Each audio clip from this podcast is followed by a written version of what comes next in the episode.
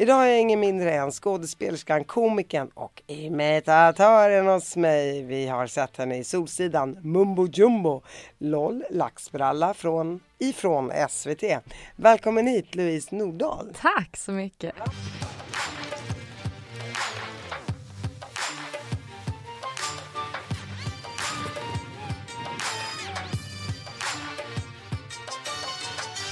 Kärt barn har många namn eller? Ja, det, det är väl så, många ansikten också. Jag har ju varit eh, många olika karaktärer i, i de här olika programmen också som jag, som jag varit med inte minst Mumbo Jumbo där jag nästan alltid har peruk och lö, lösnäsa, så då är det ju extra svårt att, att känna igen mig.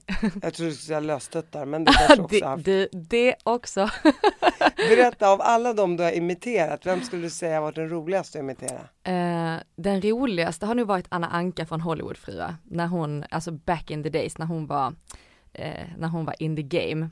Jag, vet, jag har inte sett henne på länge nu, det är lite tråkigt, jag saknar henne i rutan. Crazy banana. Ja, verkligen. Men, och vad, vad, skulle du bara kunna säga en rolig kommentar som hon har sagt? Um, ja men, eh, vad, vad, är det nu hon säger? Uh, jag äter brosk, för jag, uh, jag vet inte, jag vill hålla mig ung, jag vill inte hålla på med botox och sånt skit, för jag behöver inte det, för jag är så snygg som jag är.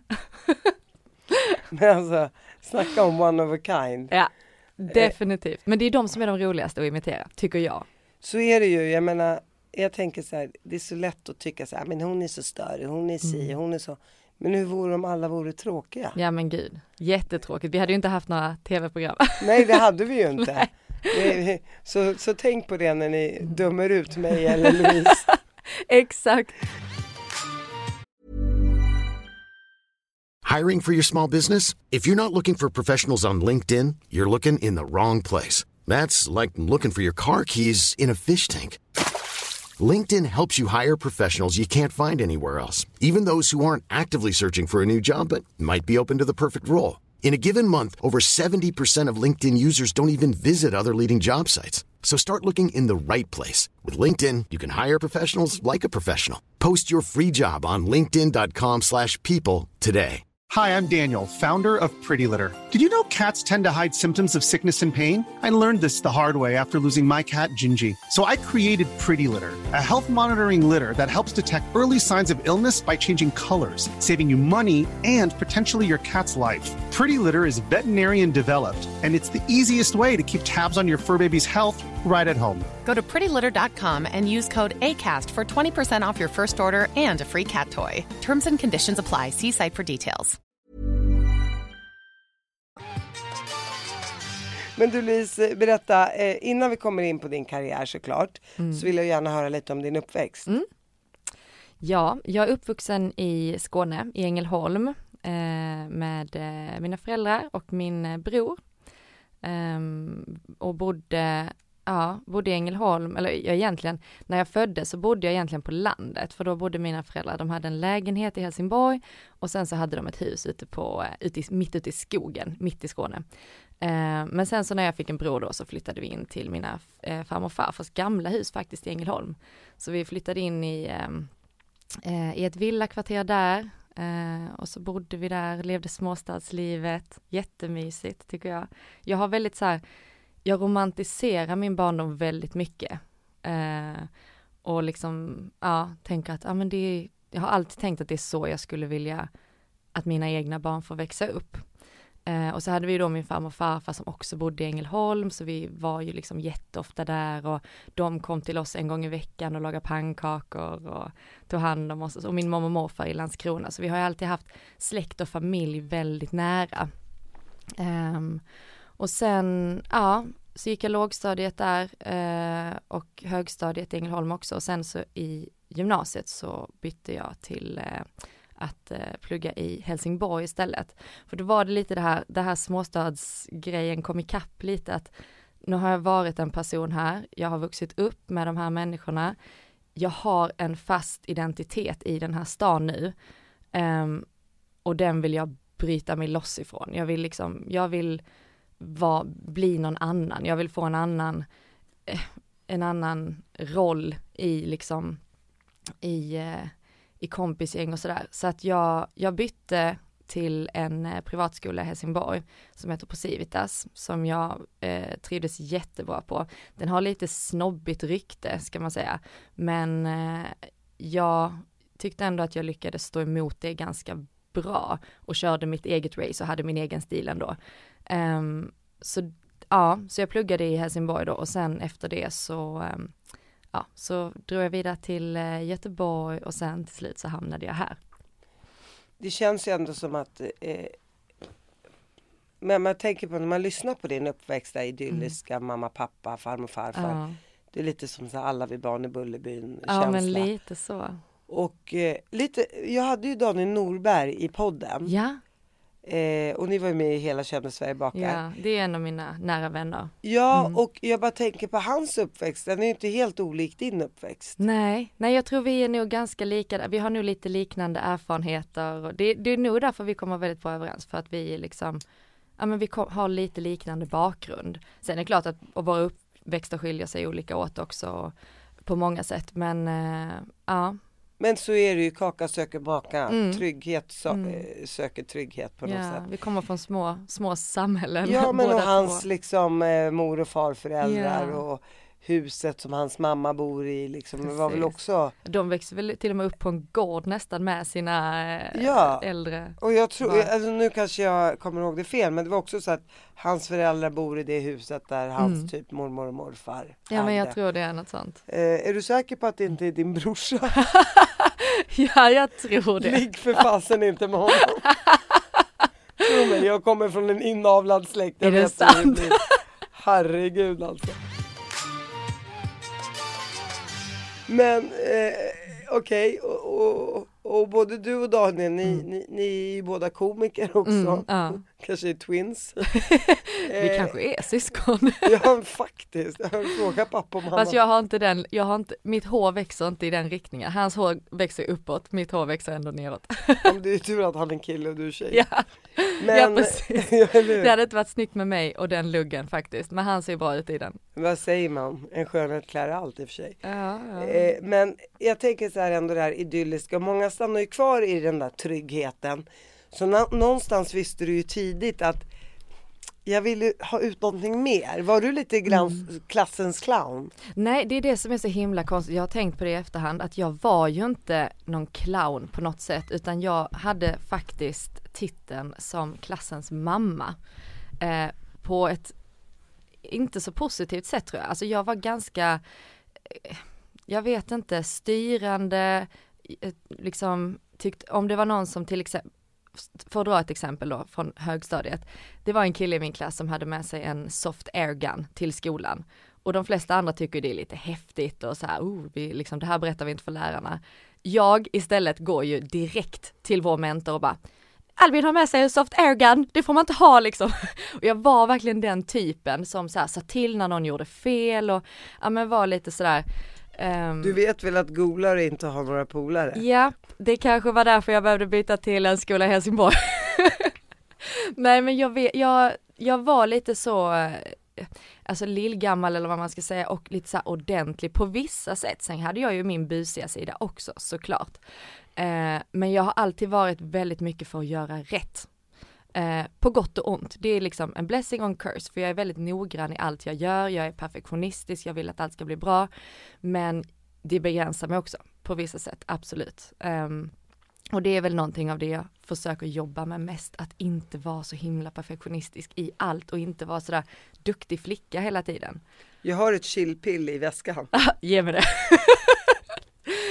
Nej, men, men, men jag tror, jag har alltid haft det här eh, teaterintresset och varit en teaterapa. Eh, så jag har ju sökt mig till de sammanhangen och jag började med teater tidigt när jag var 12 eller någonting sånt. Eh, och sen fortsatte jag ju med det under hela uppväxten. Eh, fram tills att jag gick på gymnasiet. Och det här är ju rätt kul för jag tänker sen man träffar skådisar, kreatörer, tv-människor. Det är klart, nu pratar jag framförallt skådisar och, och, mm. och och lite teaterapor ja. slash komiker. De är ju ofta så, här ADD, ADHD människor. Ja. Och väldigt så här äh, ostrukturerade. De, äh, oj herregud liksom. Det, det, det är fritt där uppe ja, i huvudet på något sätt. Så att det är ju lite paradoxalt med Jag det här Mm. fröken fräken och sen Mm. Nej men jag är bara komiker och jag skojar på andras bekostnad och jag är helt knäpp i huvudet. Mm. Jag till tror att, att här, är, ordning och reda löning på fredag. jag vet. Det, det är häftigt att höra det för att det är väldigt ovanligt. Ja, jag tror, och det- och det gör att jag ibland känner att jag är liksom, jag är inte en riktig komiker eller jag är inte en riktig skådespelare. Jag är alldeles för lättsam för att vara en riktig skådespelare. Jag, för mig är riktiga skådespelare så här, eh, svåra människor som har, bär på mycket mörker som de kan plocka fram i sina karaktärer. Jag är så här, nej men jag är ganska, jag är ganska positiv och jag har, ja, fast det är klart alla har ju ett mörker liksom, men ehm, och, och samma det här att jag är så himla kontrollerad. Jag borde släppa mycket mer, jag hade, tror jag hade kunnat bli en bättre eh, kreatör om jag hade vågat släppa mer på kontrollen. Samtidigt så är jag ju så himla mån om att jag har bra ifrån mig hela tiden. Så det där är en kamp, en ständig kamp. Ja eller så här måste det vara på ett speciellt sätt då. Liksom alla är vi stöpta i olika former och Mm. om det funkar för dig. Jag menar du är ju framgångsrik och du får ju jobb Ja, på att vara den Ja. du är så att någonstans så kanske du inte gör det på ett fel sätt. Nej. Nej men någonstans så har det väl varit bra att jag har varit den jag är och att jag har gjort mina grejer på det sättet som jag har gjort dem. Men jag märker också, till exempel när jag jobbar med eh, olika regissörer och sådär, att jag, jag utvecklar så himla mycket av att bli pushad. Och jag behöver det, jag behöver verkligen det. Ehm, och där har jag ju fått väldigt så här, värdefulla erfarenheter av Eh, de här olika jobben jag har haft. Att jag har jobbat med till exempel Micke Lindgren som är en, en eh, eh, jätteduktig regissör och som är väldigt rolig och, och duktig på alla sätt. Och han, han har pushat mig mycket. Även Jonathan Rammel på Mumbo Jumbo har också pushat mig mycket och jag säger det till dem också. Det är bra att ni pushar. Jag vet att jag är svår. För jag, är, jag vill alltid göra saker på mitt sätt och jag eh, har svårt att släppa, släppa spärrarna. Men eh, ja, men jag, det är lite så här baby steps hela tiden. Man blir bättre och bättre. Ja och sen är det ju så här att våga lyssna på proffs Mm. och, och, och, och lyssna på människor som man vet också vill att det här projektet ska framåt och Ja. vi vill att det ska bli bra och våga släppa garden så att säga. Men jag tänker också att det spelar ingen roll inom vilket yrke du än är så behöver man ju en tränare eller man behöver ju någon som pushar en och Absolut. elitidrottare, skådisar, vad det än är, regissörer. Ja. De pushar ju sina skådisar Oh, ja. så att säga. Så att, eh, men det är ju bra ändå. Då, då, då, jag tänker så här, så länge man vet vad man behöver och gör någonting åt det så, så är det ju också en form av framgång tänker jag. Ja, Så du jag lyssnar ju ändå. jag försöker Ja. ändå jobba med det, men alltså det där, det där är någonting som sitter så djupt, djupt rotat i min personlighet, så att det är, det genomsyrar i princip allt jag gör. Ehm, sen ibland kan jag vara så här förvånansvärt slarvig med grejer, faktiskt. Men just när det gäller performance, att leverera någonting, eh, då, då, är jag, då är jag så eh, mån om att det ska bli bra. Att, ja. Men vet du vad du är också? Du är en tävlingsmänniska. Ja men det är jag ju, det har Ja. du kanske sett Ja. i Jo. olika Jag, jag, sammanhang i tv. jag såg ju dig och Daniel i Hela kändis-Sverige bakar Ja, och eh, jag såg ju vem som styrde där jaså? kosan framåt. Jo, nej men så var det ju. Men, men man måste, det, man, man hittar sina roller på något sätt. Mm. Och, och eh, jag är ju själv en stark person. Mm. Så att jag gillar ju kvinnor som är starka och tar för sig. Och, och ibland kan ju det där liksom jante Sverige tycka att man är lite, jag pratar inte om dig, jag pratar generellt Mm. sett. Framförallt om mig. Alltså här, vem, vem tror hon att hon är? Eller, Ja, ja, ja visst. det handlar inte om det Nej. utan det handlar om att så här, man vill framåt, man vill vinna. Man, Mm. det, det det är bara något som sitter i en rent Ja. genetiskt. Jag kan inte hjälpa det. Nej, jag jag vill. Mm. inte komma sist i det där sprintloppet. Nej, eller, nej, nej, så, nej. Och, och sen utsätter man sig för sådana här, till exempel då, Mm. Som du har gjort, du kändes, hela Känd Sverige bakar eller jag har varit med i olika program, Mm. Let's Dance, man åker ut med huvudet förut, man bara hoppsan. Sen får Ja. man inte vara en dålig förlorare. Nej, Men eh, det är ju kul att vinna alltså. det är ju kul att vinna och det är ju, man är ju en sucker för beröm liksom. Det är väl det jag tror, någonstans så rotar väl sig hela det här valet med den här karriären och allting, att man, man söker någon form av bekräftelse och det är ju så himla tråkigt att behöva säga det, men, eh, men det är väl så med alla oss. Eh, vi vill vi vill visa upp oss själva på något sätt och vi, ja. Ja men man, man söker bekräftelse på olika sätt. Mm. Du, du gillar att stå på scenen, jag Ja. gillar att höras, alltså jag har min podd, det finns en anledning till varför jag har den liksom. Ja. Och, och andra söker bekräftelse i, i att laga jättegod mat till familjen eller visst. Vara en jätteduktig trädgårdsmästare. Mm. Jag så, så här, låt alla få vara den man är. Så. Ja. Jo men det är klart, alla, alla går nog igång på att bli bekräftade i det de är bra på eller i det de är. Såklart, det är ju det mänskligt på något sätt. Ja, Jag, jag tänker, när kände du att du ville stå på scenen? Hur gammal var du då? Vad jobbade dina föräldrar med? Mina förä- min pappa är i grunden en eh, idrottare. Han, eh, han var elitidrottare inom orientering eh, på eh, 70-80-talet tror jag det var. På tal om tävlingsmänniska. Ja, för, så där, jag kan ju se att mycket av det där kommer ju kanske därifrån. Ehm, och min, min mamma, och nu driver han ett reseföretag som liksom hela familjen är involverad i och gör orienteringsresor. Eh, och sen min mamma, hon har jobbat med lite olika, hon har jobbat inom resebranschen från början och det var så de träffades, eller nej det var det, var det förresten inte, de träffades ju på ett utställe i Helsingborg. Men hon var också inom eh, turism och eh, sådär. Eh, och sen eh, har hon jobbat med eh, mode, hon har jobbat eh, och, eh, i klädbutik och sådär i många år. Och så jobbar hon ju då i vårt eh, familjeföretag också och nu pluggar hon faktiskt till eh, hälsocoach. Så att eh, hon har styrt om eh, skutan lite nu på äldre dag. Så du slipper betala en coach, du kan ju bara gå till mamma Ja sen. men du, åh, och hon har ju utbildat sig till massös nu, eller det ingår i utbildningen. Så hon bara, jag behöver göra så här 20 timmar. Jag bara, ja du kan köra 20 timmar på mig, här och nu, jag lägger mig på britsen. Är hon duktig då? ja hon är jätteduktig, hon, är, hon har hårda fingrar, alltså så hon, ja, riktigt duktig måste jag säga. Och när kände du att men det är på scenen jag vill stå? Ja. Drog du sådana här, eh, när du gick på högstadiet, kunde du härma lite Ja. kändisar och sådär? Jo, och jag tror, alltså jag kände nog det när jag var typ, ja, tre år, nej men fyra, alltså på riktigt, jag har ett gammalt klipp, vi hade en sån här gammaldags videokamera hemma som vi gjorde hemmavideos med. Eh, och när jag är, jag tror jag är fyra eller fem år gammal, då har jag mitt eget Bolibompa-program. Och min pappa filmar mig i köket och jag sitter där och jag leker med den här Björnes magasin-dockan och visar upp lite teckningar som då tittare ska ha skickat in. Och, så jag hade verkligen, jag hade redan det där då.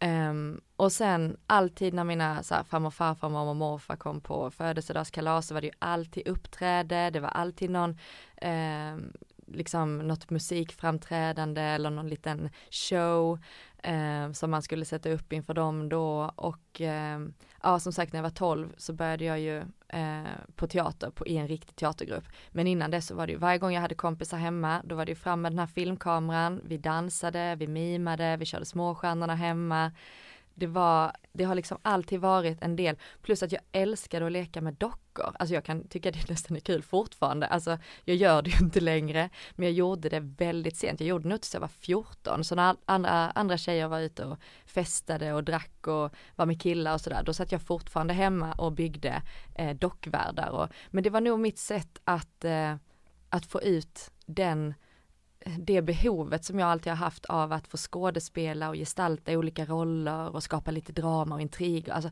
det fick jag ut i, i genom att leka.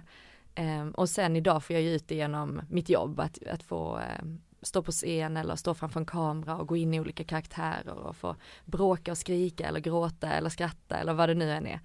Um. Jag tänker om, om, om du hade varit sådär att du imiterade liksom på högstadiet, att man tänkte Ja, ja, hon är lite morsa, men hon är ju kul också. Jo men jag tror, jag tror det för jag i högsta, eller i, i åttan var det väl så var jag på konfirmationsläger och då imiterade jag Carola där och då vet jag alla bara oh my god det är likt liksom. Så när vi hade någon sån här maskerad där alla fick vara utklädda då, då hade de valt att jag skulle vara Carola på den eh, Och hur lät du då?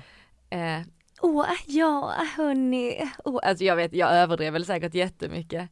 Men, eh, nej och sen i, i nian när vi skulle ha student, eller eh, elevspexet då på skolan, då, eh, då var jag med och ville imitera Filippa Bark, kommer jag ihåg. Uh, undrar om jag inte hade något nummer med det också. Men jag var ju i alla fall involverad i det och sen på gymnasiet så var jag också involverad i studentspexet och imiterade då en lärare vet jag som många tyckte var så, åh gud, det är ju jättelikt. Så någonstans där så började jag ändå fatta att okej, okay, men jag är nog ganska bra på att imitera folk. Uh, och jag kunde också sitta i mamma och pappas bil när de lyssnade på så här, skivor med Lisa Ekdahl och så sjöng jag med och så försökte jag liksom pricka in exakt hennes tonläge och hur hon sjöng och hur hon lät. Och, så jag har nog, jag, det där kommer ganska spontant för mig. Det är ingenting som jag har tränat upp för att jag bestämde mig för att jag vill bli en imitatör. Nu ska jag lära mig den konstformen, utan det bara, det bara blev så. Och när kom genombrottet? Det var ju då 2014 när jag hade flyttat hem från Göteborg. Jag, jag pluggade där ett år och sen flyttade jag hem till mina föräldrar, eh, började jobba på en skola och skulle ut, ut i världen och vara lite au pair och så tänkte jag. Och under tiden då så, eh, ja men så bodde jag hemma och på kvällarna så satt jag och kollade på Paradise Hotel.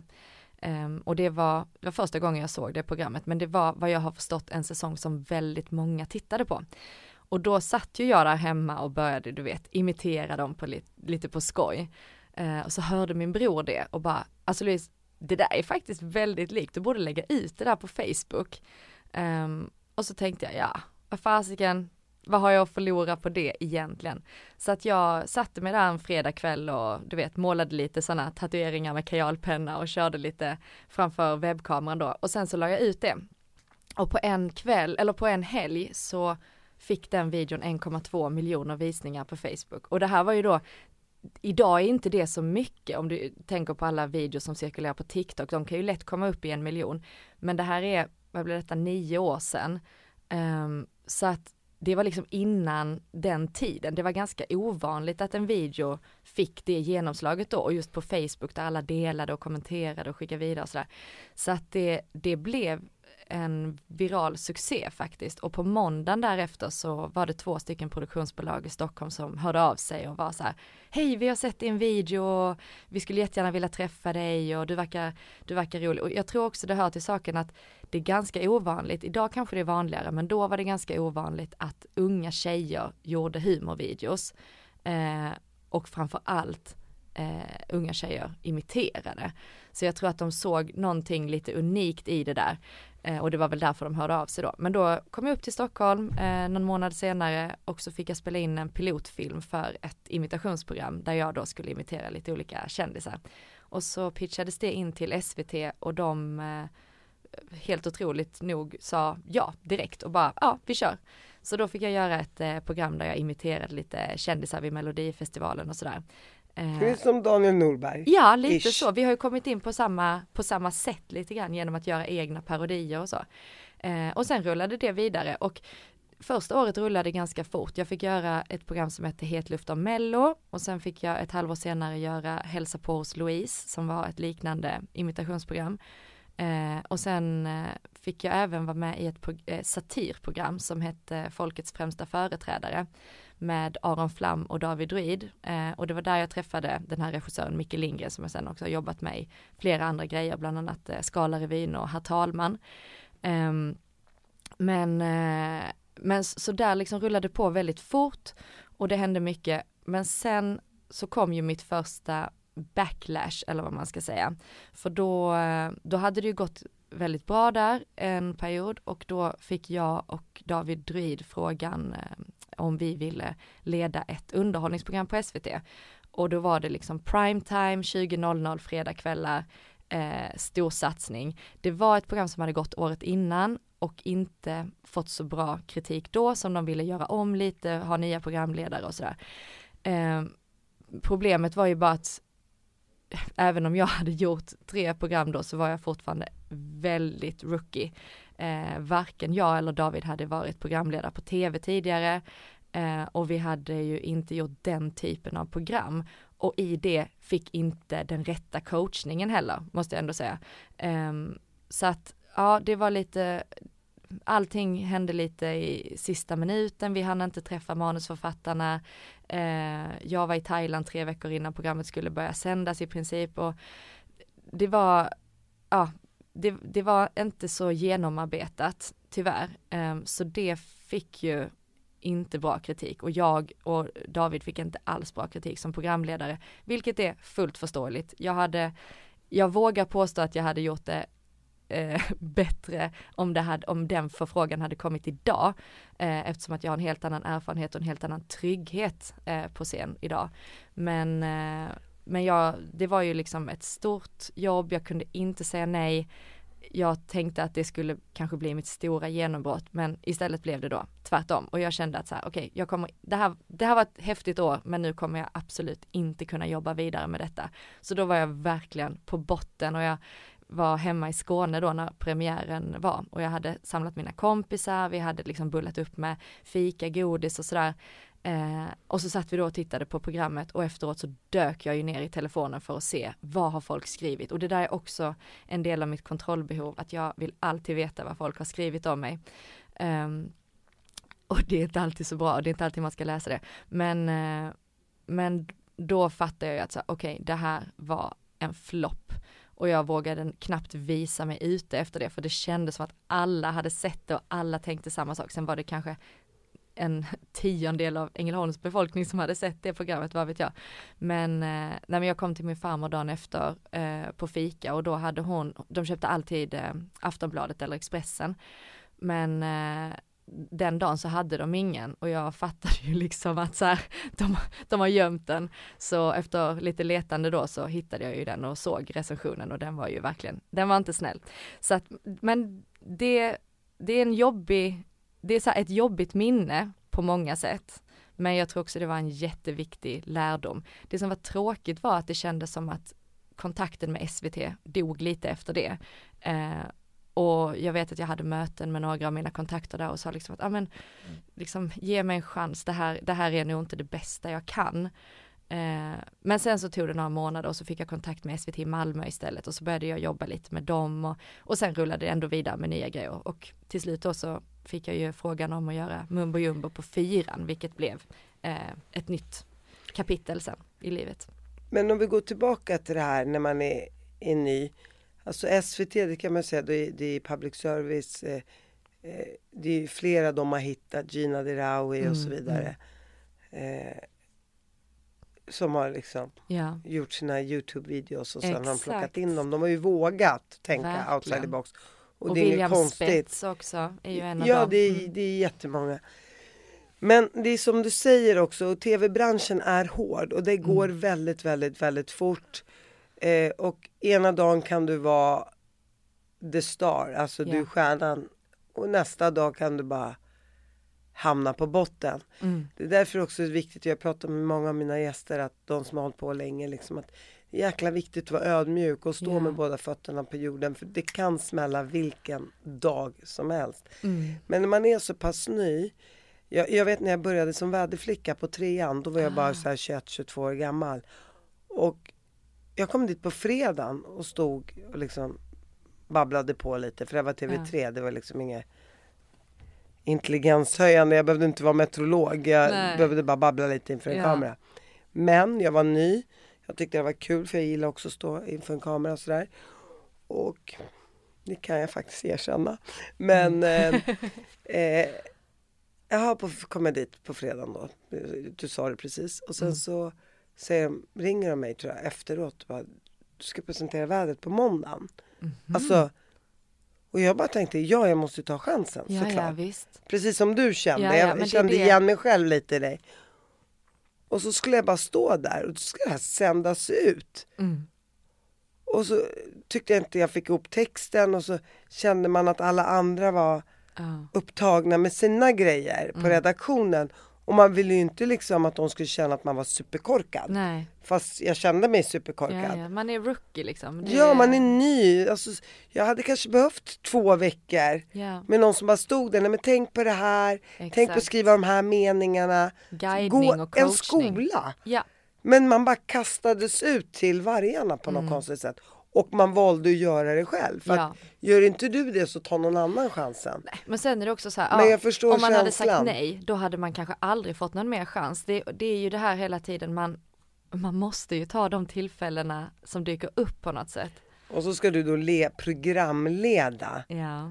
Och det är liksom så här, ja, där sitter skämtet, där sitter inte skämtet. Nej. Och, nej men där kan du ta ett djupt andetag. Mm. Whatever. Ja, Man måste ha träning för träning är färdighet. absolut. Och som du säger, du har ju utvecklats nu senaste året. Vilket år var det här nu igen? Eh, Det här var våren 2016. Och hur gammal var du? Eh, 2016, jag var väl 20, nej inte 26, kan inte ha varit 23 kanske. Ja, ja. du var ju väldigt, väldigt ung. Ja, jag var väldigt ung och jag var väldigt oerfaren och jag var nog ganska, jag försökte nog att verka väldigt självsäker då, eh, Eh, för det var man ju tvungen att göra. Men eh, jag var nog ganska osäker. Jag, idag hade jag inte haft så stora problem att stå i en studio och snacka inför, inför en publik och med en kamera. Men då var det ju liksom, uh, det var ju surrealistisk uh, upplevelse på något sätt.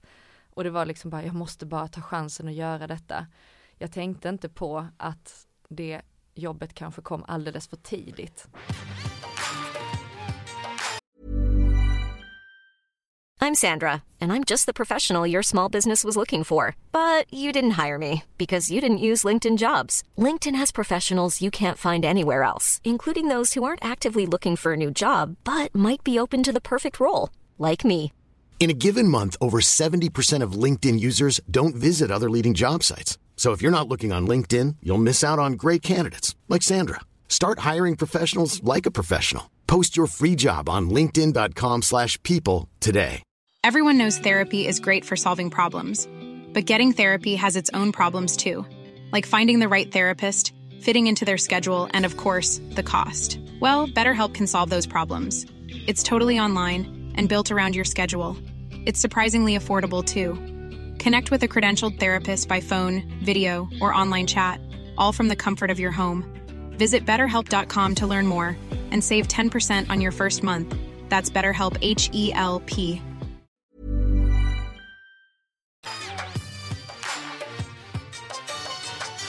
Men jag tänker när du sitter och har bullat upp nu med dina Ah. vänner och så vidare.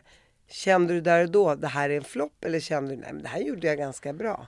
Jag tror inte jag kunde, jag kunde inte se det objektivt. Jag tittade nog mer bara på liksom hur det såg ut och eh, ja, jag, jag, kan inte minnas om jag själv kände att oj jäklar det här var dåligt. Och det, det är nog också en sån där grej att jag har, det, det kan jag fortfarande sakna, den här känslan, i den inre känslan, är det bra eller är det dåligt? För det kan jag, om jag har gjort en provspelning för någonting till exempel och jag kommer hem och min man frågar så här, gick det bra? Jag kan aldrig svara på det för jag måste ha fått ett utlåtande från någon annan. Ehm, och det, den är lite jobbig. Fast funkar vi inte lite så själva? Jo det är väl kanske Alltså så. så här, så här, skriver du ett prov och du skriver alla Mm. rätt, ja då är bekräftelsen är ju att du har fått alla rätt på Ja. provet. Men det här är så många som, Ja. jag menar, det smaken är ju som baken. Och det är klart, får du höra att fem tycker det är dåligt, Ja, det är som läser kommentarer på Instagram. ja, ja, ja. Du hakar ju upp dig på de två negativa och Mm. tänker typ att du har fått 98% positivitet. Ja. Så att man är nog lite funtad så. Sen tror Mm. jag också så här, speciellt om man är perfektionist som du är och vill framåt och det ska bli så bra som möjligt. Då Mm. vill man ju såklart att det ska landa väldigt bra för att man Ja. ser sig själv lite misslyckad om, Ja. om det inte är så.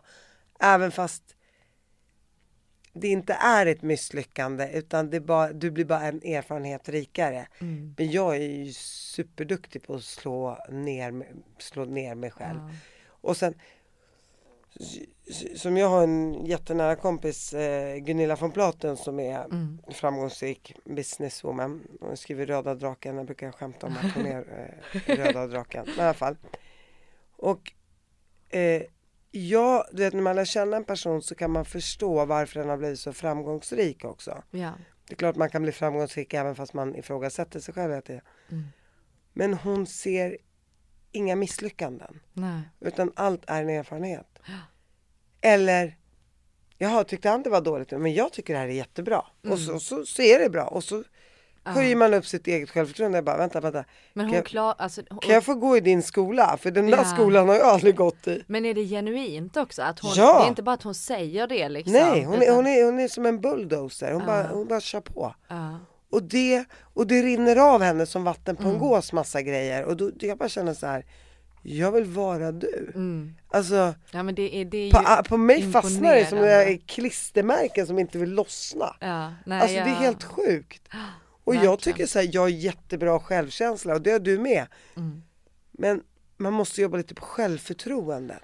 Ja. Men det är klart, står det liksom spalter med artiklar. Nej det var ju just det, jag, jag tror men vissa har en förmåga att Ja. liksom låta det rinna av en. Nej Ja. det är de som har fel, det är inte jag. Nej. De har ingen koll. Nej, då, där och då var jag inte i, i, liksom, i tillstånd för att kunna låta det rinna av mig. Jag tror, när jag såg det, jag tror faktiskt att jag var jag var nog nöjd när jag såg det, för jag, det jag fokuserade var ju bara på att säga, okej jag satte mina lines, jag, jag, jag tyckte ändå jag hade gjort bra ifrån mig med de förutsättningarna jag hade och så var jag ju helt överväldigad över att bara se mig själv stå där och liksom faktiskt bara klara av det överhuvudtaget.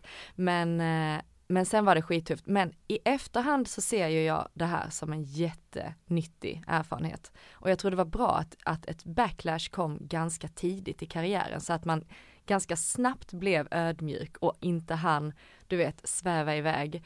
Eh, utan att eh, jag har alltid haft det med mig sedan dess att när som helst så kan det vända och det gör ju det. Liksom livet är konstruerat så. Du kan inte gå på en high roll hela livet ut utan förr eller senare så kommer det att vända. Även om det liksom inte egentligen går dåligt för dig så kommer allt det, alla framgångarna kommer att blekna, allting kommer att eh, liksom eh, förlora sin, alltså ja, förlora sin charm lite granna om du, om du får för mycket av det under för lång tid. Ehm, Men livet är föränderligt och Ja. eh, du har inte barn. nej, Nej. Så att eh, vänta tills du får barn. Kom Mm. tillbaka till min podd om morgonen. så. Nej men ja, jag tror också så här, man, du, som du säger, man blir ju också ödmjuk och, och smällar man tar och Sen finns det ju djupare kriser i livet och, Mm. och många säger det som har hamnat i djupa kriser att så här, då märker man vilka ens riktiga vänner är och så vidare. Och det är många som är med i framgång men de är inte med i, mm. och eh, eh, när det går dåligt.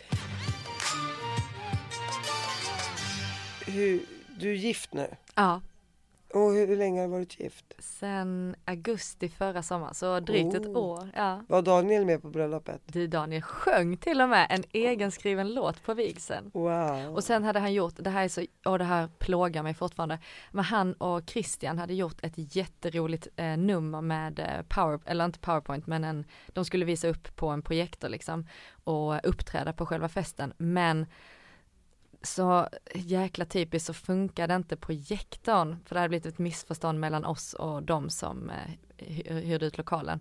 Så att eh, de fick tyvärr inte visa den men jag har fått en inspelad version och det var fantastiskt bra. Så ja, Daniel var absolut Ja. där. I allra högsta grad. Skulle du säga att han konkurrerar ut din man?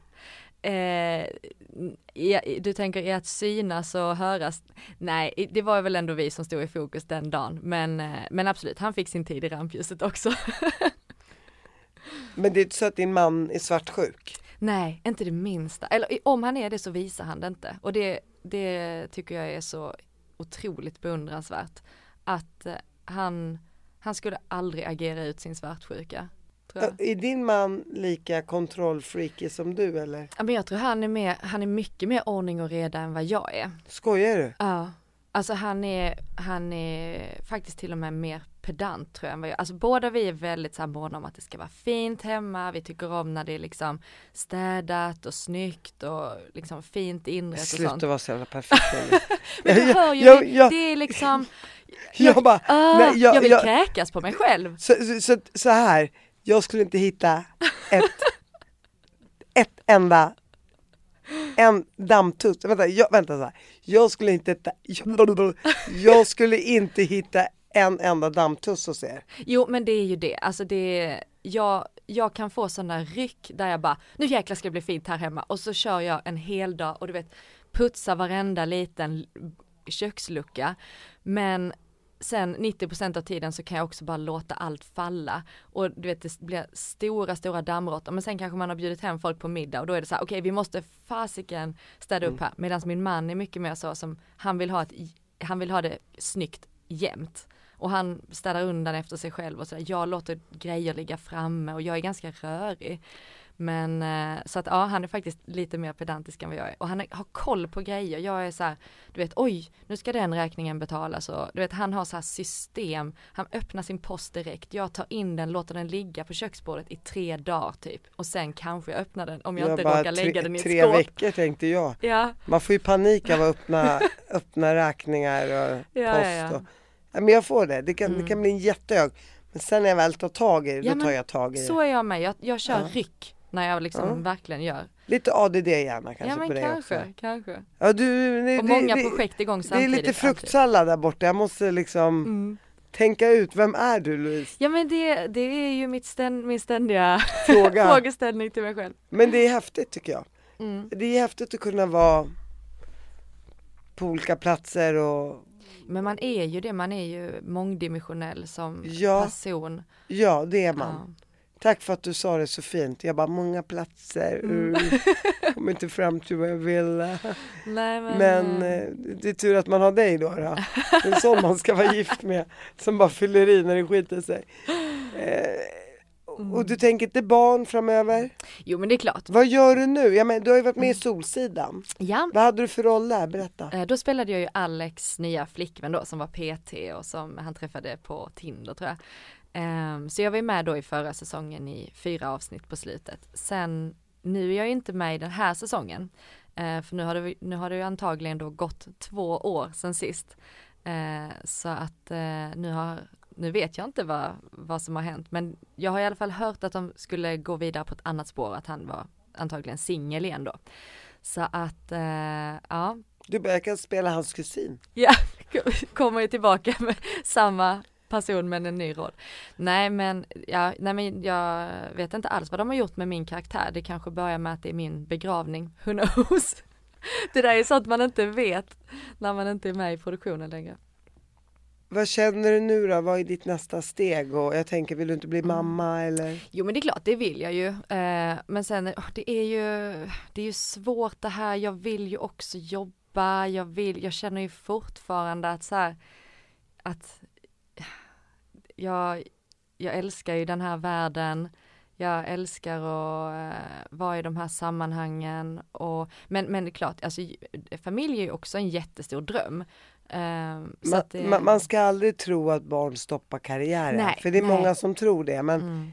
är så här, jag Carola har barn, Kaspersen har barn, ja. Agneta Sjödin har barn, Niklas Strömstedt har barn, Jenny Strömstedt. Ja. Så alla har ju barn. Ja. Och alla är ju liksom framgångsrika inom mm. den här jo. kategorin. Ja, nej men och förr eller senare så kommer det ju liksom säkert bli så också. Men eh, men, men det är ingenting som ringer, det är ingen klocka som ringer. Alltså jag jag, jag, det, jag känner nog ändå att jag fortfarande har ganska många år på mig. Uh, ja, tio. Nej, ja, men, Nej. ja men visst absolut. Nej, man kan vara 50. Klockan Naomi, tickar ju faktiskt Naomi Campbell lite. var ju 50. Men ja, jag vågar inte chansa nej, på 50. Nej, det fattar jag. nej, men jag kan men du vänta tills du är 60? Där? Ja. Nej men absolut, men jag, men jag, jag, jag vill inte ha någon hatstorm tänkte jag säga, mm. men men mm. jag tänker säga det ändå. Ja, säg det. Vi är ju skapta för att få barn när vi är mellan 18 och 22 ja, egentligen. Eller typ 16 nästan. Ja men typ. Ja. Och så väntar alla tills de är 38-40. Mm. Det är klart många utbildar sig och det är mm. fantastiskt att kvinnor också är drivna ja. och vill komma framåt. Men, mm. kloka Bettina pratar nu. Jag tror inte, om man är gift mm. och man vet att man har valt rätt man och så vidare, mm. att man ska vänta för länge. Nej, och det, här, jag har snackat med och mina... Det är, det är vad jag tycker och jag står för det. Mm. Nej men och jag är helt med dig, för jag har pratat mycket med mina tjejkompisar om detta, just problematiken i att, att vi, vi lever på ett sätt idag som faktiskt inte är förenligt med biologin. Eh, och det finns ju ett stort dilemma i det.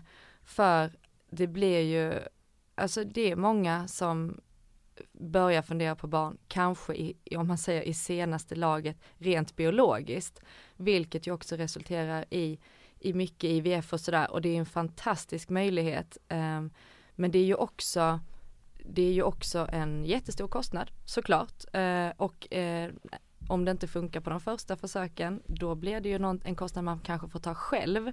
Och det är kanske sånt man inte tänker på utan man, man är så van vid att här, ja men man kan skaffa barn när man är 37 och vissa kan ju det. Men det är inte jättelätt kanske. Um, så att det, det, där är ett inre dilemma hela tiden för precis som du säger, man vill ju också att det ska vara så jämställt som det bara går, att man ska kunna vara ung fram tills man är liksom, du vet 28-29 och sen kunna satsa på sin karriär i 5-10 år efter det och sen kanske börja tänka på familj.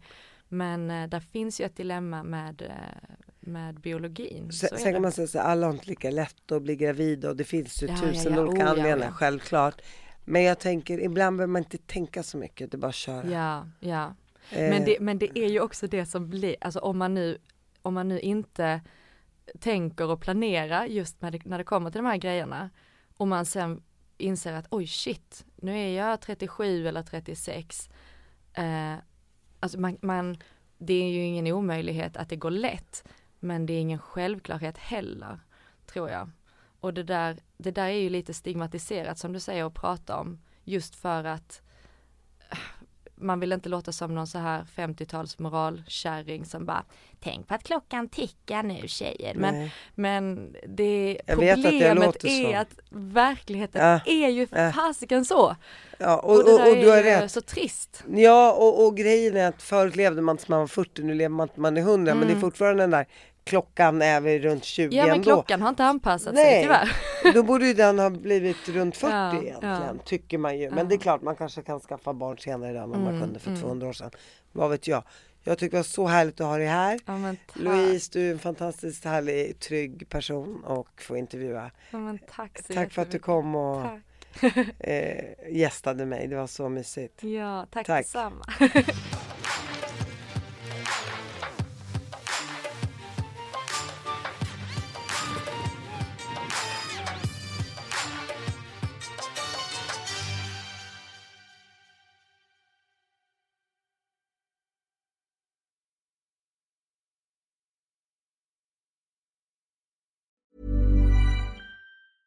Hey, it's Paige DeSorbo from Giggly Squad. High quality fashion without the price tag. Say hello to Quince. I'm snagging high-end essentials like cozy cashmere sweaters, sleek leather jackets, fine jewelry, and so much more. With Quince being 50 to 80% less than similar brands. And they partner with factories that prioritize safe, ethical, and responsible manufacturing. I love that. Luxury quality within reach. Go to quince.com slash style to get free shipping and 365 day returns on your next order. Quince.com slash style. Planning for your next trip? Elevate your travel style with Quince. Quince has all the jet setting essentials you'll want for your next getaway, like European linen, premium luggage options, buttery soft Italian leather bags, and so much more. And is all priced at 50 to 80% less than similar brands.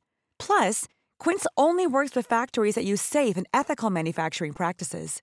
Pack your bags with high-quality essentials you'll be wearing for vacations to come with Quince. Go to quince.com/pack for free shipping and 365-day returns.